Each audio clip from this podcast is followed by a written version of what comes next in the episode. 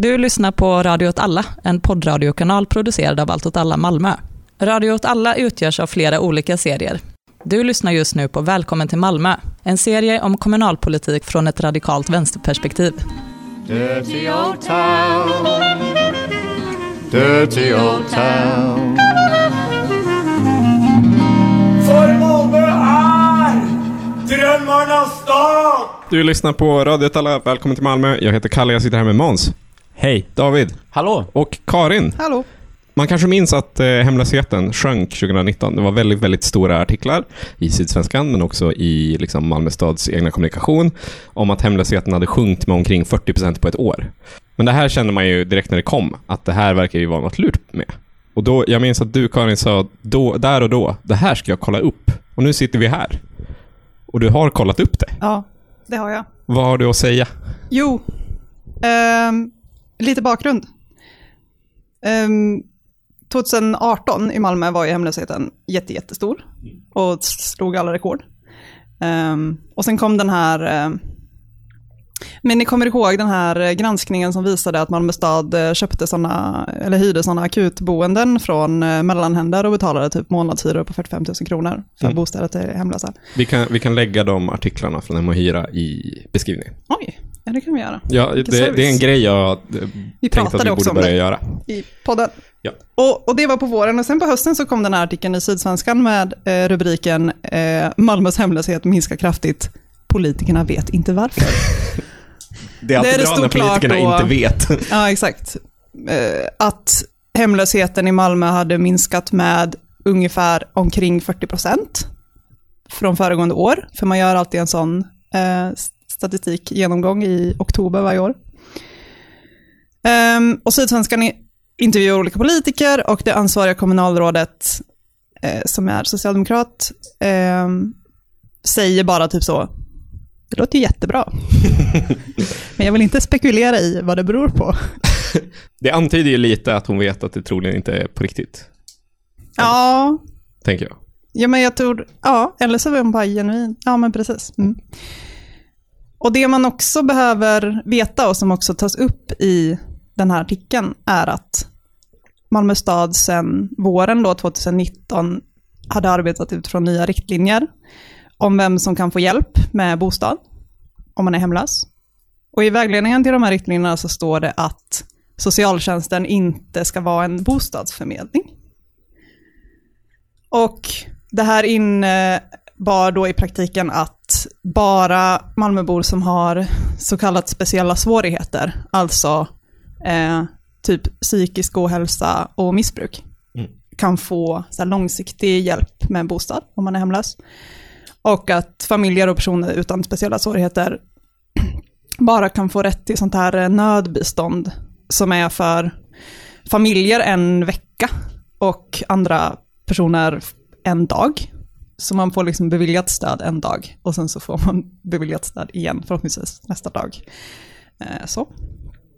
Och anledningen till att man gjorde det här var att, säger man då är att man anpassar sig till rättspraxis, att det hade kommit olika domar från kammarrätten, vad heter det? Ja. Eh, som tydliggjorde då vad socialtjänstlagen säger om det här och att, att det var liksom i linje med, med praxis. Och, och det här har ju inte, alltså folk som har fått långvarig hjälp med bostad i Malmö och fått hyra lägenheter i andra hand av kommunen, de har aldrig räknats som hemlösa. Så att, att de här nya riktlinjerna har ju ingen direkt påverkan på hemlöshetssiffrorna på det sättet, men det kan ju ändå hänga ihop typ. Och det säger, skriver de här journalisterna i den här artikeln också. Eh, att så här, Malmö stad, ja, det kan ha påverkat siffrorna, men man vet inte. Man vet inte var de här personerna hamnat och hur de bor idag. Alla de här som plötsligt slutade vara hemlösa. Ehm, De får en kommentar från en Helena Nanne som är moderat och vice ordförande i arbetsmarknad och socialnämnden. Hon säger så här, siffrorna behöver såklart mer förklaringar och sättas i ett sammanhang.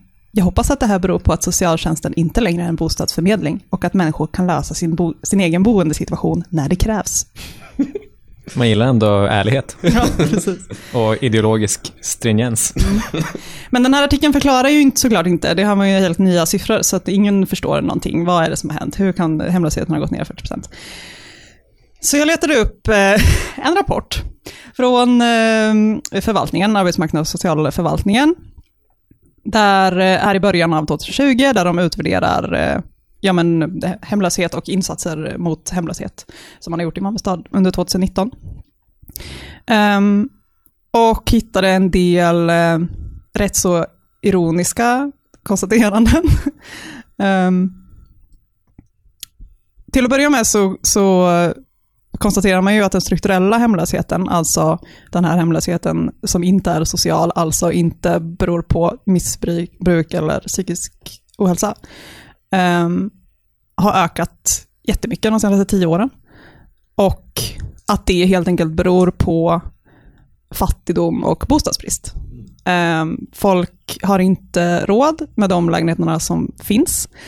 Och ehm, också om man inte liksom har någon förankring på bostadsmarknaden så får man ju såklart inget kontrakt. För att kötiden på boplatstid är typ fyra år. Så.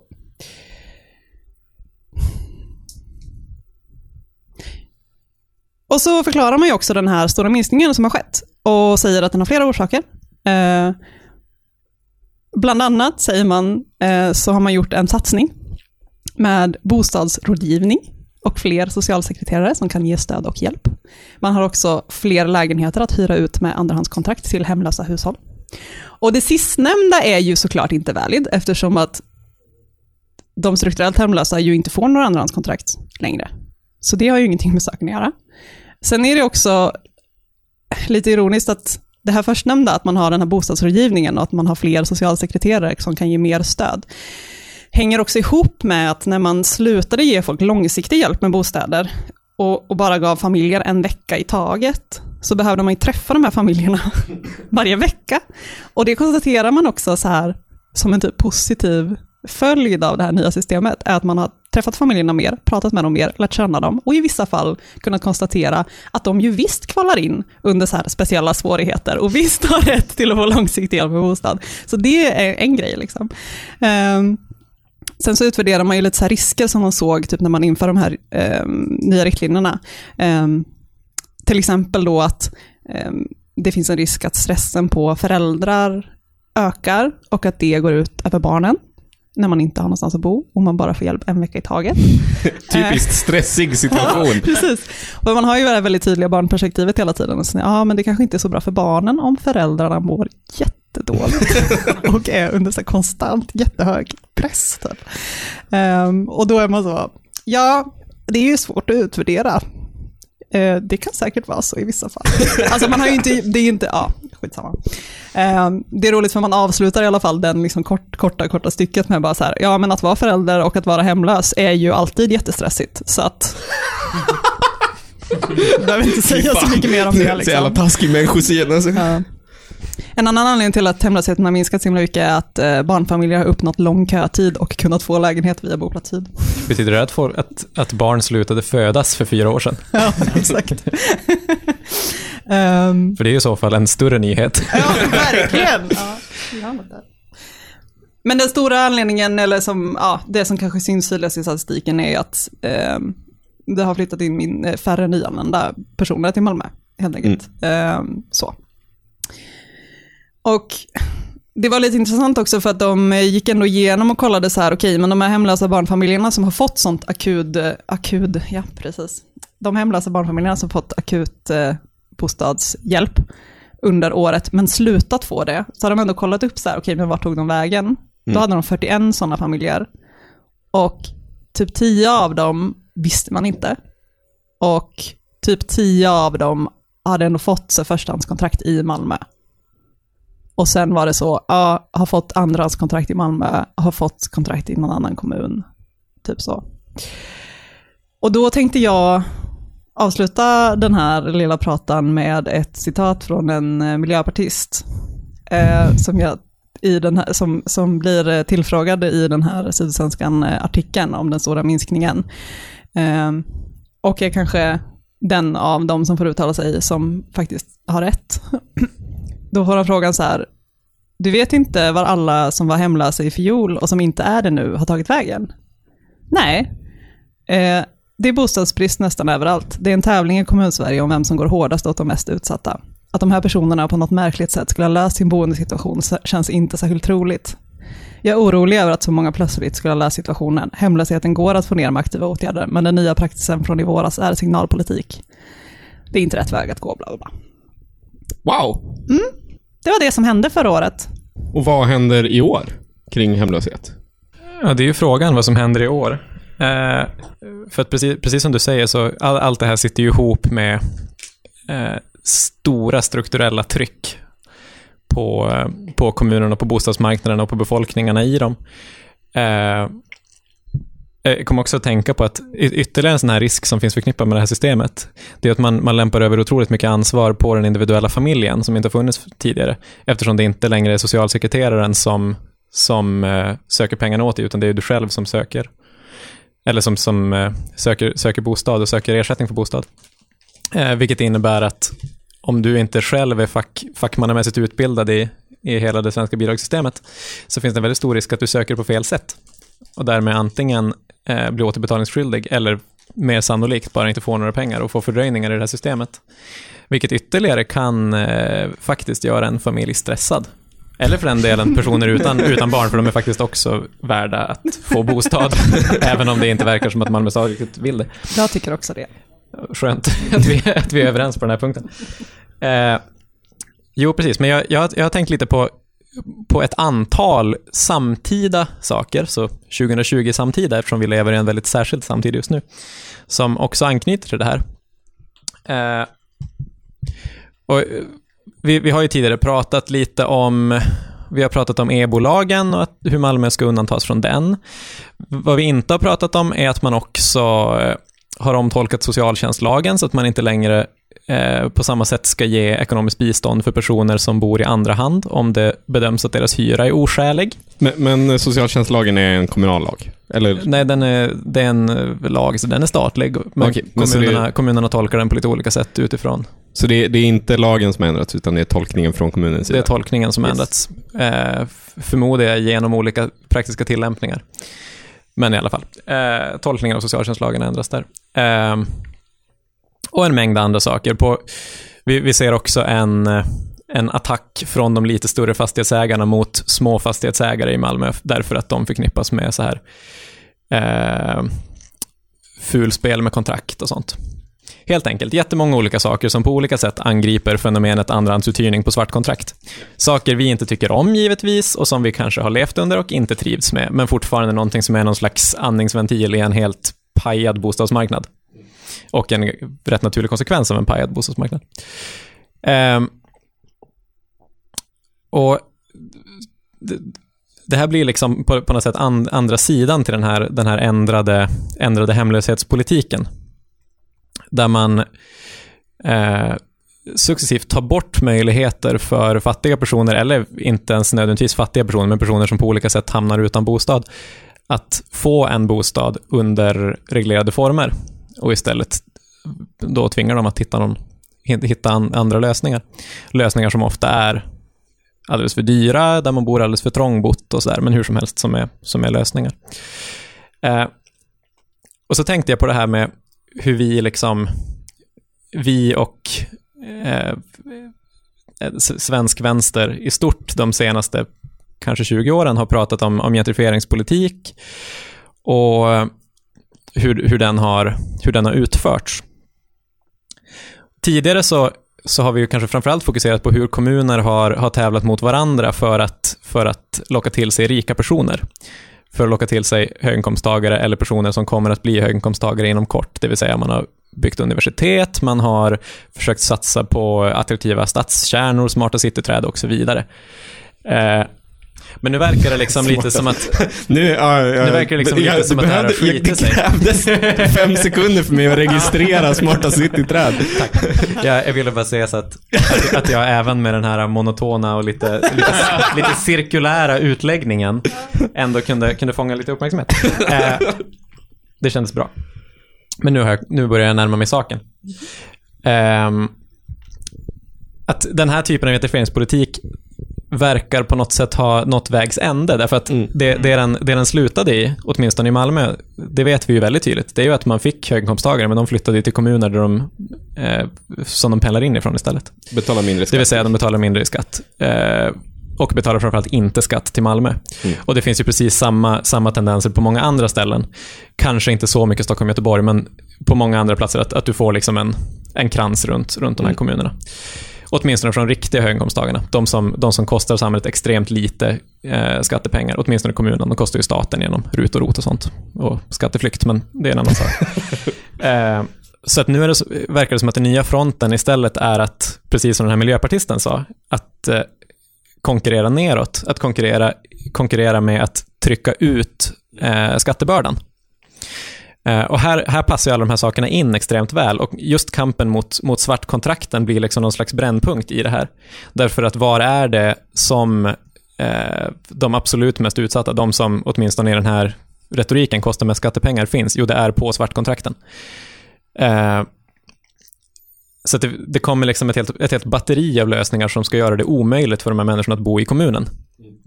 Eh, bli av med, med fastighetsvärdar som inte, som inte är så nogräknade, se till att det inte går att få ekonomiskt bistånd för att betala sin hyra och så vidare. Sånt som kommuner kan göra. Eh, och såklart utan någon tanke på vart de här personerna kommer att hamna sen, när de hamnar i Burlöv eller vart som helst. På samma sätt som man inte tidigare hade någon, någon tanke om vad som skulle hända med de andra kommunerna när alla de här tänkta höginkomsttagarna skulle komma därifrån. Alltså det är exakt samma konkurrens, konkurrenslogik på något sätt. Eh, och det tänker jag också visar att, att man framöver borde tänka på, på eh, också den socialpolitiska sidan av bostadspolitiken som en extremt viktig politisk front. Därför att vi tidigare framförallt har pratat om, liksom, eh, kam, om, om, om att motverka att, att de rika lockas in. Liksom. Mm. Det är ju en konstig vändning. Eller, eller den ligger rätt i tiden på något sätt. Den, är också, den är också så djupt dystopisk Verkligen. om man jämför med den andra. Alltså, Mm. Och så, så mycket mer cynisk. För man, det, det är ändå lätt att föreställa sig att, att när någon frejdig liten kommun sitter och pratar om hur de ska tjäna pengar, att, att alla, alla förstår liksom det positiva, det entydigt positiva i att få folk att vilja komma dit. För då, då pratar man ju så här, Åh, hur gör vi det mer attraktivt, hur gör vi det mer kul, hur ser vi till att skaffa mer pengar? Inte hur gör vi så att de här som inte har råd att sätta mat på bordet helt enkelt inte har råd att sätta mat på bordet. Ja. Men, men för det, har ju alltid varit två sidor av liksom samma process, kan man säga. Absolut, absolut, Men- de sitter men- ihop. Men att, att det känns som att tyngdpunkten eh, skiftar. Ja, men för det, det passar ju också på något sätt in i liksom hela tiggeriförbud-diskussionen, även om det är på något sätt ett ännu mer extremt exempel på samma sak. Eh, där, där man i olika kommuner har försökt instifta, visst är det lokala ordningsstadgar som man Mm. kan ändra. Eh, det är en väldigt märklig lag. Eh, man kan göra det otillåtet att skjuta raketer och grejer. Det, Mm. det är en sån gummiparagraf som... Det har varit kul att testa och göra något sjukt med den. Eftersom det, är- det är typ den enda, förutom att tolka olika lagar så är det det enda som kommunen har någon som helst makt över, känns det som. Mm. Vad gäller lagstiftning. Men, men eh, så då har vissa kommuner, är det Danderyd som har genomfört det? Det är möjligt. Det, det är några stycken i alla fall. Staffanstorp är en av dem till exempel. Staffanstorp, Danderyd och sen, Kungsbacka tror jag eventuellt har hunnit driva igenom det. Och Mm. Katrineholm, om jag inte minns fel. Men ja. och Eskilstuna blev blockerad av Länsstyrelsen vill jag minnas. ja. Och det berodde på att Eskilstuna hade en annan modell. Eh, Vilken är modellen som är gängse? de, de körde inte lokal ordningsstadga-modellen. De, Mhm. Jag tror att... Nej, jag kommer inte ihåg detaljerna, så det är onödigt att gå in på. Men det, Just det var det var liksom att man i, behövde be om ett... eh, Jo, precis, Man precis. behövde få tillåtelse. Precis, för det, fann, det var liksom två olika varianter som, som kom under uppsegling. Den ena var Kungsbackas modell och den andra var Eskilstunas. Mm. Eh, och sen lyckades Staffanstorp få igenom den. Mm. Eh, som var Kungsbacka-modellen. Liksom. Men, men det, är, för det är ju också en väldigt... I många av de här kommunerna så är det också ren signalpolitik för att det rör sig om cirka en, två tiggare. För det är små jävla ställen det här. Absolut, och eftersom det är lokal ordningsstadga så är det också på väldigt, väldigt begränsade områden. Det är det sättet som man har fått igenom det hos Länsstyrelsen. Eh, det, för att det, det, får inte, det får inte påverka på alla möjliga friheter. Eh, så att i praktiken så innebär det att du inte får sitta utanför, eh, låt säga en lokal, eller inom en, en extremt begränsad yta. Sen kan det finnas flera sådana ytor, men det, det är väldigt mycket så här jagade moving target på något sätt. Men, men det känns också generellt som att det finns mycket färre sådana storskaliga stadsomvandlingsprojekt i Sverige. som är sådana eh, klassiska gentrifieringsprojekt av att, av liksom att dra till sig Ja. snarare än att skjuta ifrån. Ja, men det, det är lite det jag tänker. Och det, det kanske är en sån här helt... Eh, att, att man ser det för att man, för att man söker det. Men jag t- tänker att det är lite så. Att, det, att många av de här eh, försöken att locka till sig skattebas har liksom skitit sig. Eller om de inte har skitit sig så har de åtminstone planat ut. Mm. Man kan, kanske också kan se det som att många av de här projekten är så storskaliga så det kommer ta ett tag innan man kan göra mer i dem. Men som till exempel ett, ett, ett, eh, ett väldigt slående exempel, det är de här eh, två svinhöga husen de har byggt i Stockholm. Eh, De Haga-tornen, om jag inte kommer ihåg vad de heter. Som är alltså, två, två stycken helt bisarra märkesbyggnader. Som har kostat hur mycket som helst, är jättehöga, syns från hela stan. Där man eh, har lyckats sälja typ en lägenhet. Mm. Eh, Lite som Turning Torso. Ja, precis. Det, det är liksom Turning Men Torso. Turning Torso är väl fortfarande en förlustaffär? Ja. Ja. Ja. Hela Bo 01 är väl egentligen... Eller? Det, Det kan vi, det kan vi spekulera i. Det kan vi spekulera i. Om, om, ni, om ni skulle spekulera, skulle ni vilja säga att det är en förlustaffär eller en jag vinstaffär? hoppas lite att det är en förlustaffär. Vad är, jag tycker det är svårt att avgöra vad som, är en, vad som definierar en förlustaffär i det här fallet. Alltså om det, om det är livskvaliteten hos den här tanten som går ut i sin morgonrock och badar svintidigt på morgonen, då säger jag vinst. Men däremot om det är livskvaliteten för samma tant på kvällen när hon måste springa ut på gatan och skrika på fattiga människor för att de är i hennes område. Då skulle jag säga att livskvaliteten är lägre. Det är svårt att säga, det är väldigt mycket hyresrätter, så därför är det svårt att Ja. göra rena ekonomiska termer av förlust och, och investering och sånt. Eh, nu gör jag ett försök här till att sätta saker i ett större sammanhang och se trender och sånt i samtiden. Så ni får stoppa mig eh, om det är helt tokigt. Nej, men jag kan inte låta bli att tänka på den här reportageserien som gick i Sydsvenskan häromveckan om det här hemliga nätverket som gör Malmö till en fristad för papperslösa. Just det. Läste ni den? Nej. Ja, en av artiklarna. Ja. Jag tror att jag fattade beslutet att inte läsa den. Ja. För att jag tyckte det verkade lite, Good for you. lite osmakligt. Ja, alltså... Att, att benämna flyktinghjälp som ett hemligt nätverk. Mm, det var ju en eh, eh, uppenbart eh, liksom medvetet provocerande eh, artikel. Mm. Och det är det, alltså det som, deras case, de här journalisternas case är ju att det finns ett gäng så väletablerade hjälporganisationer som kanske på olika sätt tar emot offentliga medel, kanske från staten, kanske från Malmö stad. Jag kommer inte ihåg exakt vilka det är de tar upp. Eh, Det är desto mer konkret i artikeln. Liksom. Men att de i sin tur då hjälper eh, andra organisationer som i sin tur kanske hjälper andra organisationer att de här pengarna liksom tricklar ner. Den, eh, den till hemliga folk som- nätverkets ja, kärna, precis, precis. Svenska kyrkan. Är folk som, som vill hjälpa typ papperslösa ungdomar att så här, föra någon slags dräglig tillvaro i Malmö. Um, och att eh, då tycker man att det här är jätteproblematiskt. Det som är så himla provocerande med den här uh, artikeln är ju att alla som har varit kanske engagerade i den här typen av eh, liksom aktivist eller så, miljöer eller, eller den typen av organisationer eh, vet ju såklart om det här. Eller så. Och det är liksom inte... Det, det är inte hemligt. Det är inte, nej, det är ju inte hemligt. Liksom. Eh, Men ändå så, så har de här reportrarna ett himla starkt intresse av att, ja, men att ifrågasätta den, eh, den moraliska mittfåran som det ändå har varit väldigt länge att det är okej att hjälpa papperslösa ungdomar att typ få lov att så här, träna fotboll eller så här, lära sig svenska. Alltså. Ehm, att alla vetat om att nej, de får ju strikt sett inte lov att vara här om de har ett deportationsbeslut, men det är ändå rätt att hjälpa dem när de är här. Ja. Så. Och, sen bara, och det är liksom den, den, den moralen som, som, som de ifrågasätter och det är så himla svårt att förstå varför de vill göra det. Nej, men jag, jag håller med. Det, det, var ett väldigt, det var en väldigt märklig vinkel på det. Eh, särskilt, särskilt kombinationen av den vinkeln med den här liksom, å ena sidan eh, fattigdomsporren, å andra sidan liksom ganska behjärtansvärda skildringen av de här personerna som, som leder på gatan. För det, det, är väldigt tydligt att den som skriver ändå har liksom empati med de här personerna. Mm. Alltså med de som är, som är utsatta. Mm. Men att, att lägga på den här, det här konspirationsrastret Mm. på det är så otroligt märkligt faktiskt. Ja, verkligen.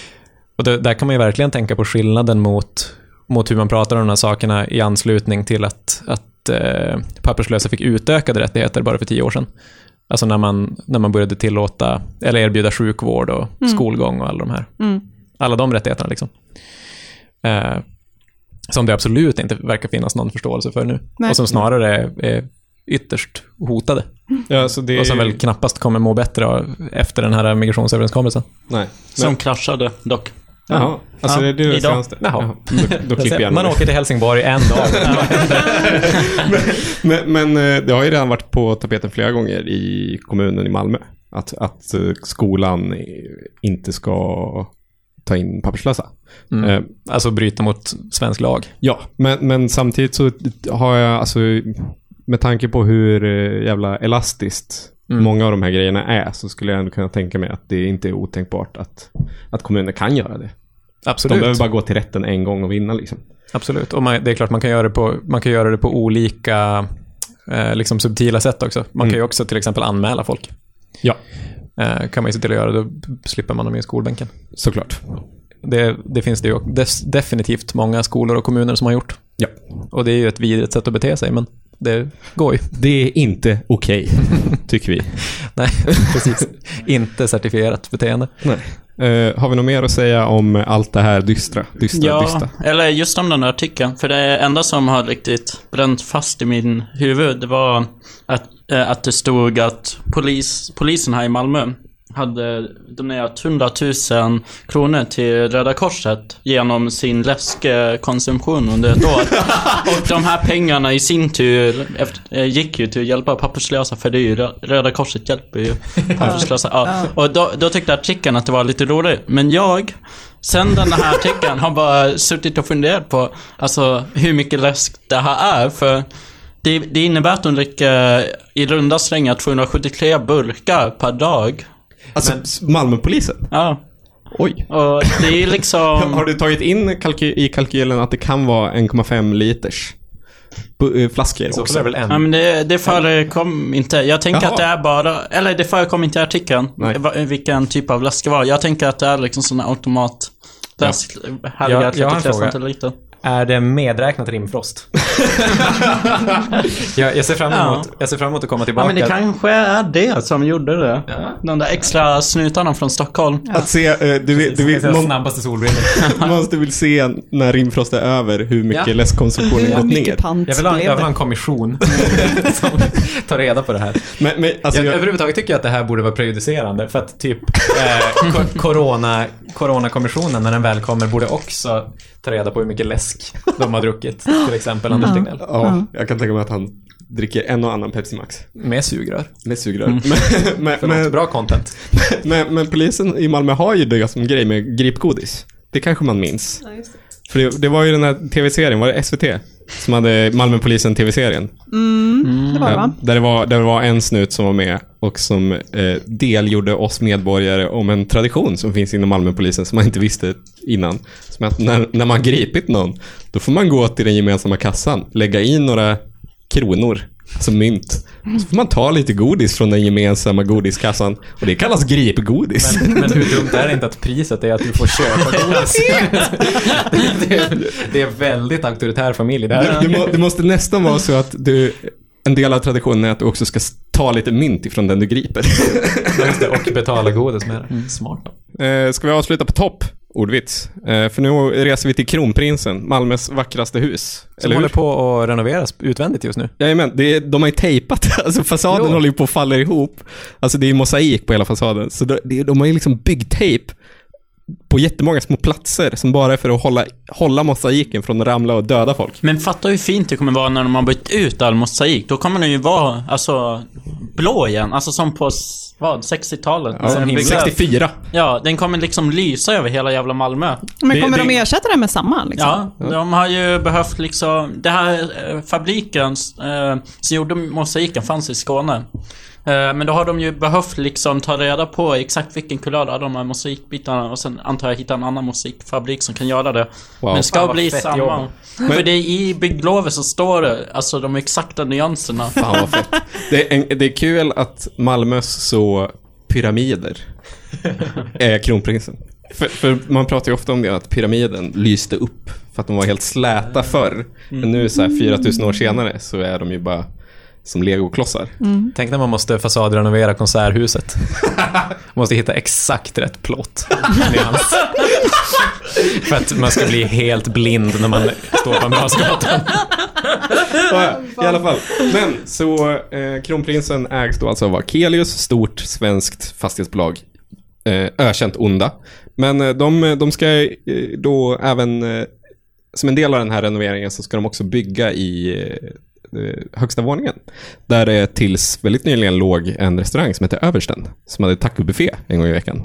Om man är en trogen Radio alla-lyssnare så vet man redan detta. Eh, men då ville Akelius bygga åtta etagelägenheter där högst upp. De skulle ju då alltså vara sjukt stora. Om man, om man varit där så eh, förstår man att det är ju liksom 200-300 kvadrat per lägenhet, minst. Det är ju en väldigt, väldigt stor våning liksom. Åtta lägenheter där hade blivit väldigt maffiga. Men de har inte blivit beviljade bygglov för detta. Då Malmö stads stadsbyggnadsnämnd sa, eh, sa eh, det måste finnas ett offentligt utrymme så att Malmöborna kan åka upp och se sin stad. Eh, det här fick mig att tänka på hur jävla roligt det är med bygglovslag. Jag kan verkligen förstå varför en centerpartist tycker det här är helt jävla sjukt. Varför ska kommunen bara kunna säga nej, nej, tycker att ni borde ha en offentlig plats här högst uppe. Varför? För att vi vill det. Men det är såklart jätte, jättebra eh, att, att det ska finnas en offentlig plats. För det finns ju väldigt få ställen i Malmö att kunna se sin egen stad. Eh, och man uppskattar de platserna väldigt, väldigt mycket. Kronprinsen, den stora anledningen till varför man åkte upp dit var ju inte för att äta den vidriga tacobuffén och hänga med den extremt energiska ägaren. Utan hon var väldigt trevlig, men energisk. Anledningen, an, anledningen var för att man ville kunna se sin stad, för det gör man ju aldrig, för Malmö är ju platt. Så då tänkte jag fråga er alla, om ni hade fått välja, vad borde vara den offentliga platsen högst upp på Kronprinsen, nu när översten inte är där längre? Vi kan börja med David. Ja, det var bra att du valde mig först. För jag, jag har suttit och funderat på det här väldigt länge. Men sen sl- slog det mig att jag hade det hela tiden framför mig. Eh, och det är ju att det bara ska vara det det har varit som bäst. Och det är ju en tacobuffé. det ska ju vara, alltså, för det finns som ingen riktig tacoställe längre. Nej. Eh, och det känns som, det måste ändå finnas ett ställe dit man kan gå och äta en tacobuffé. Och då tänker inte jag, alltså tacobuffén som var där på slutet i översen, det var ju väldigt sonkig. Det var liksom mögel i tomaterna. Och det var liksom det tråkigaste ur, en, ur den klassiska 90-tals texmexen. Utan jag har väldigt starka minnen eh, från min barndom då vi gick till ett ställe i Umeå som hade tacobuffé. Och där fanns det liksom allt man bara kunde drömma. Det fanns det här, det fanns ett tråg med ål i, det fanns ett tråg med smältost, det fanns ett tråg med salsa. Jag har hört dig prata om det här tråget med smältost så många gånger alltså. Men det är liksom, det är, det är en dröm att Vilket, få ställe var det? Eh, Balder. Visst finns det ett ställe som heter Det kan du nog göra. Ja. Jag, jag tror att en Ja, gemensam vän till oss som gillar att leva gratis. Att första gången han berättade om sina, sitt eh, hustling i Umeå så var det att han eh, brukade smyga dit på morgnarna. när det var tacobrunch. Måns, vad vill du ha högst upp på översten? Jag vill också ha, jag vill ha tacoallmänning varje dag. jag, jag förstår att jag och David inte har fantasi. Men jag tänker så här att fältöversten är drömmarnas plats redan som det är. Så att Det man heter behöver bara inte- översten. Fältöversten är ett stock- ställe i Stockholm. Ja, just det. Sant. Det, du har sagt, Det har du lika många gånger som David har pratat om smältosttråg så har du sagt fältöversten om Det, översten. det är för att jag är så trogen Karlaplan. En kompis med mig jobbade på Fältöversten som florist. Eh, fram tills att Ola Rapace kom in och köpte rosor av henne och hoppade upp på disken. Och, Ja. eh, det kan också finnas. Slut, hon sa upp sig samma dag liksom. Nej, det tror jag inte, men det var det sista jag hörde. Men Stormar in till chefen, nu är det fan nog. Precis, Orkar jävla inte Östermalm. Ja, du kan ta över, Karin. Karin, vad vill du ha högst upp på ja, men, kronprinsen? ja, men, eh, ehm, men vad var din grej Måns? Ja, det var att jag, vill, jag ville göra det till en tacoallmänning. Det är klart Ja, men- att David ville att det skulle fortsätta finnas inom Nej, varuformen. alltså, jag men- har ju... Vänta, Loser. Typiskt David. Eh, Jag mådde ju jättedåligt över att jag är helt oförmögen att, att så här, till vilt drömmande. Och så kommer ni här och bara så, nej, vi vill ha tacobuffé. Okej, det var ro, roligt Du kanske, du kanske vill ha taco men utan buffé? Eh, Nej men min, eh, jag hade ju mer, min spontana spaning när jag fick den här frågan var ju... Tacomeny. Eh, à la carte. taco à la carte. Nej, men var ju att Trianon skulle köpa upp, skulle köpa kronprinsen och sen ha någon slags off-brand eh, Transformers eh. Ehm, Dinoland! Så Dinoland. Fy fan, vad bra. Ehm, Minigolf med lampor. Nej, vad fint. Då kan man, det kan vara som på Universum i Göteborg också, att det står en massa dinos på taket. Ja, Så blir det en, en syn i sig. nu, det var ju, det här är ju som sagt, eller det är okej, det blir kanske min stora önskan då. Jag, jag är besviken på att ingen sa eh, bowlinghall. Eftersom att bowlinghallen i källaren på Kronprinsen eh, översvämmades. Det hade varit väldigt roligt att ha en bowlinghall i himlen. Har jag tänkt. Men, men eh, mitt förslag. För att kunna förstå mitt förslag så vill jag att man föreställer sig en karta över Malmö. Eh, och där har ni Kronprinsen. Typ mitt i Eh, eh, centrala delarna av Malmö. Mitt mellan öst och väst kan man säga. Inte riktigt, men inom det centrala Malmö. Och då vill jag att ni tänker att ni åker upp till översten och så tittar ni till väst. Vad finns där? Fridhem, Ribersborg, Limhamn. Vad finns till öst? Möllevången, Södra innerstan. Fina grejer. Så, vad borde finnas högst upp på Kronprinsen? Jo, eh, luftvärnskanoner. eh, försvar. Eh, en sista utpost eh, för oss i det östra och fina Malmö. Till försvar mot det mörka, mörka, mörka västra Malmö. Du menar att det är sista utposten för icke-boomer Malmö? Exakt. Vilket är ironiskt eftersom att Kronprinsen är det hus i Malmö med högst medelålder vill jag minnas. Förutom äldreboenden såklart. En ohelig allians. Verkligen. Eh, det, var, det var det. Eh, ska vi avsluta med eh, en liten påminnelse om att corona inte är över. Eh, ingen här har tänkt att corona är över hoppas jag. Vi har alla tvättat händerna, eller hur? Ja. Eh, för att påminna alla lyssnare så vill jag hälsa från Svedala kommun och framförallt från Johan Lundgren, kommundirektör och Thomas Djurfält, områdeschef kultur och fritid.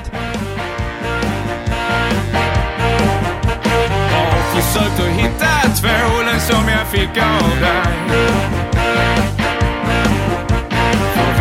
Vi ska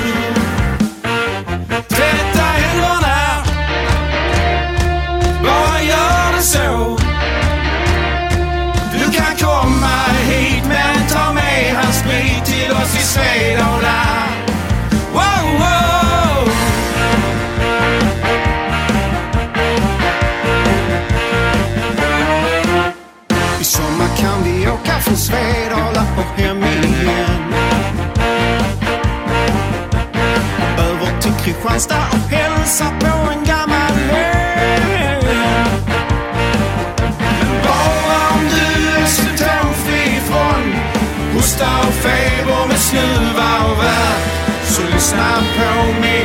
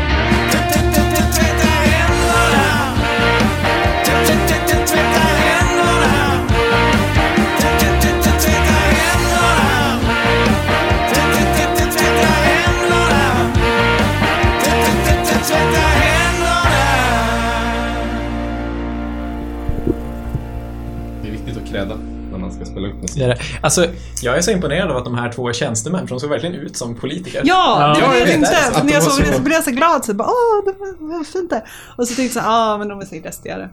Jo, det-. Ja, Så bara, ja, ah, jag nej, hade jag kan kunnat inte gissa glädjas riktigt.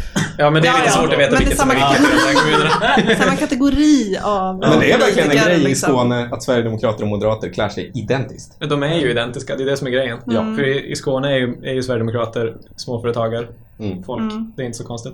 Det, det är kul att tänka huruvida det är att Sverigedemokraterna har tagit efter Moderaterna eller tvärtom. För jag kan tänka mig att skånska moderater har tidigare sett mycket mer uppklädda ut. Jag tänker greve. Det har varit mycket Man Ja, grevar. det är så jävla dåligt med grevar nu för tiden. Ja, framförallt inom politiken. Det är bra i vampyrbusinessen. Dirty old town. Dirty old town. Och härmed så säger jag bye bye.